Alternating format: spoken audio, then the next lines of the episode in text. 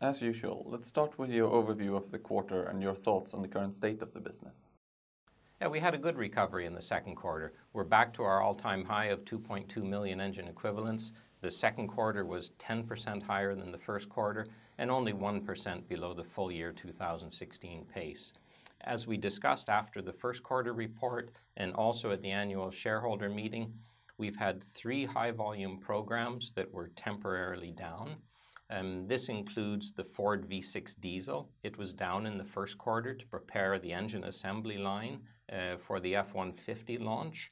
Uh, the reason for that line upgrade is to increase the capacity, so we'll benefit from that going forward. The V6 volume in the second quarter was a bit higher to rebuild the stocks, but still it was below the historical average. Um, and that will increase as the demand for the F-150 kicks in.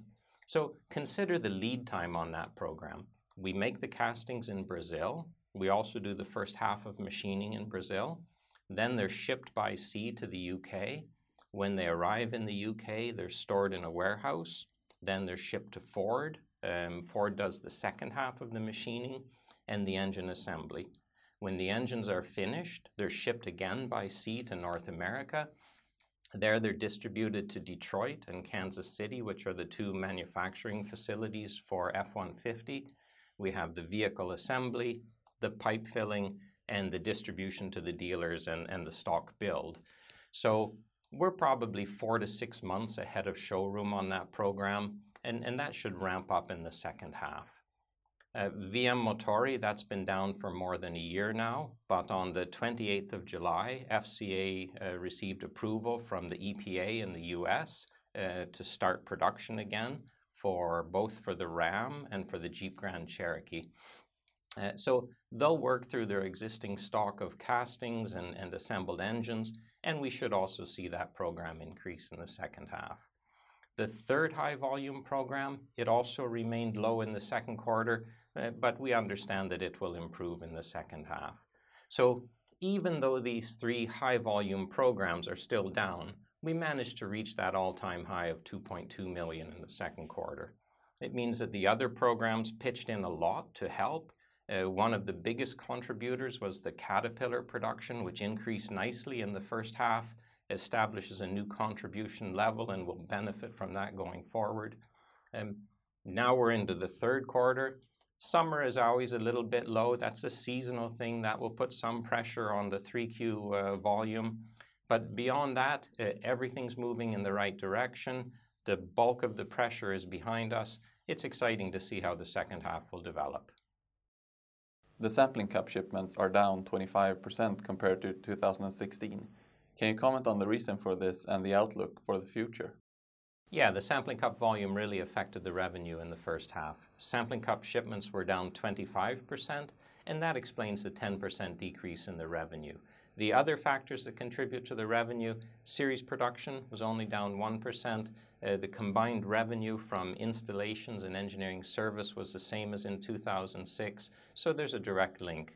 Uh, internally, we can see the breakdown of the production, and it's clear that the reduced volume is an inventory adjustment at our customer sites. Um, so this is a one-time effect. We understand that the adjustment is complete, and we should be back on pace in the second half. I explained in the last question that we also expect the three temporarily low-volume programs to recover in the second half, so we can also hope that the cup pace has increased, and we can recover some of that deficit. With a deficit of 20,000 Sampling Cups at the half, it's a big ask to ask for reaching the full year 2016 volume. In fairness, we benefited from the stock error with the oversupply in 2016, so in the end, it all balances. Um, but it does make the year-on-year comparison difficult when we have a high error in 2016 and a low compensation in 2017. Overall, we're coming to the end of a rough patch. It's normal to have one program low for one or two quarters, but now we've had three of our high-volume programs low all at the same time, and we've had this Sampling Cup inventory adjustment again at the same time. Yeah, so that's been difficult. Um, but we're at record production level, and most of the pressure is behind us. The underlying business looks good. The development pipeline looks good. We had two press releases in June and July about customers investing for increased production, so it's starting to feel a lot more positive. The Tupy and Teksid foundries in Mexico have ordered installation upgrades. Can you comment on the reason for the upgrades and the outlook for the use of those installations? Yeah, the Tupy and Teksid upgrades are both really positive indications of the production outlook. And both foundries have had our normal System 3000, and both are now upgrading to what we call the System 3000 Plus. So instead of our normal process where we measure the iron in the ladle and make a correction before pouring, we'll also automatically control the first addition to the ladle, the addition that the foundry normally makes uh, before they give the ladle to us. So in our normal process, we measure and correct this feed forward process control. And with the System 3000 Plus, we also use our measurement to feed information back in the process to help optimize the first treatment. Uh, the standard process is well proven, but the automatic base treatment really improves the efficiency, and this is especially important as we move toward higher volume production. Um, Tupy has five installations. The three high volume lines all have the System 3000 Plus already with the automatic base treatment and now mm. they're upgrading line 4 in Mexico. It's one of the five installations, but so far it's only been used for product development. So they're making this upgrade in preparation for high volume production on line 4. The equipment was shipped in the second quarter, so the revenue was accounted in the second quarter. The upgrade is an ongoing task for the third quarter.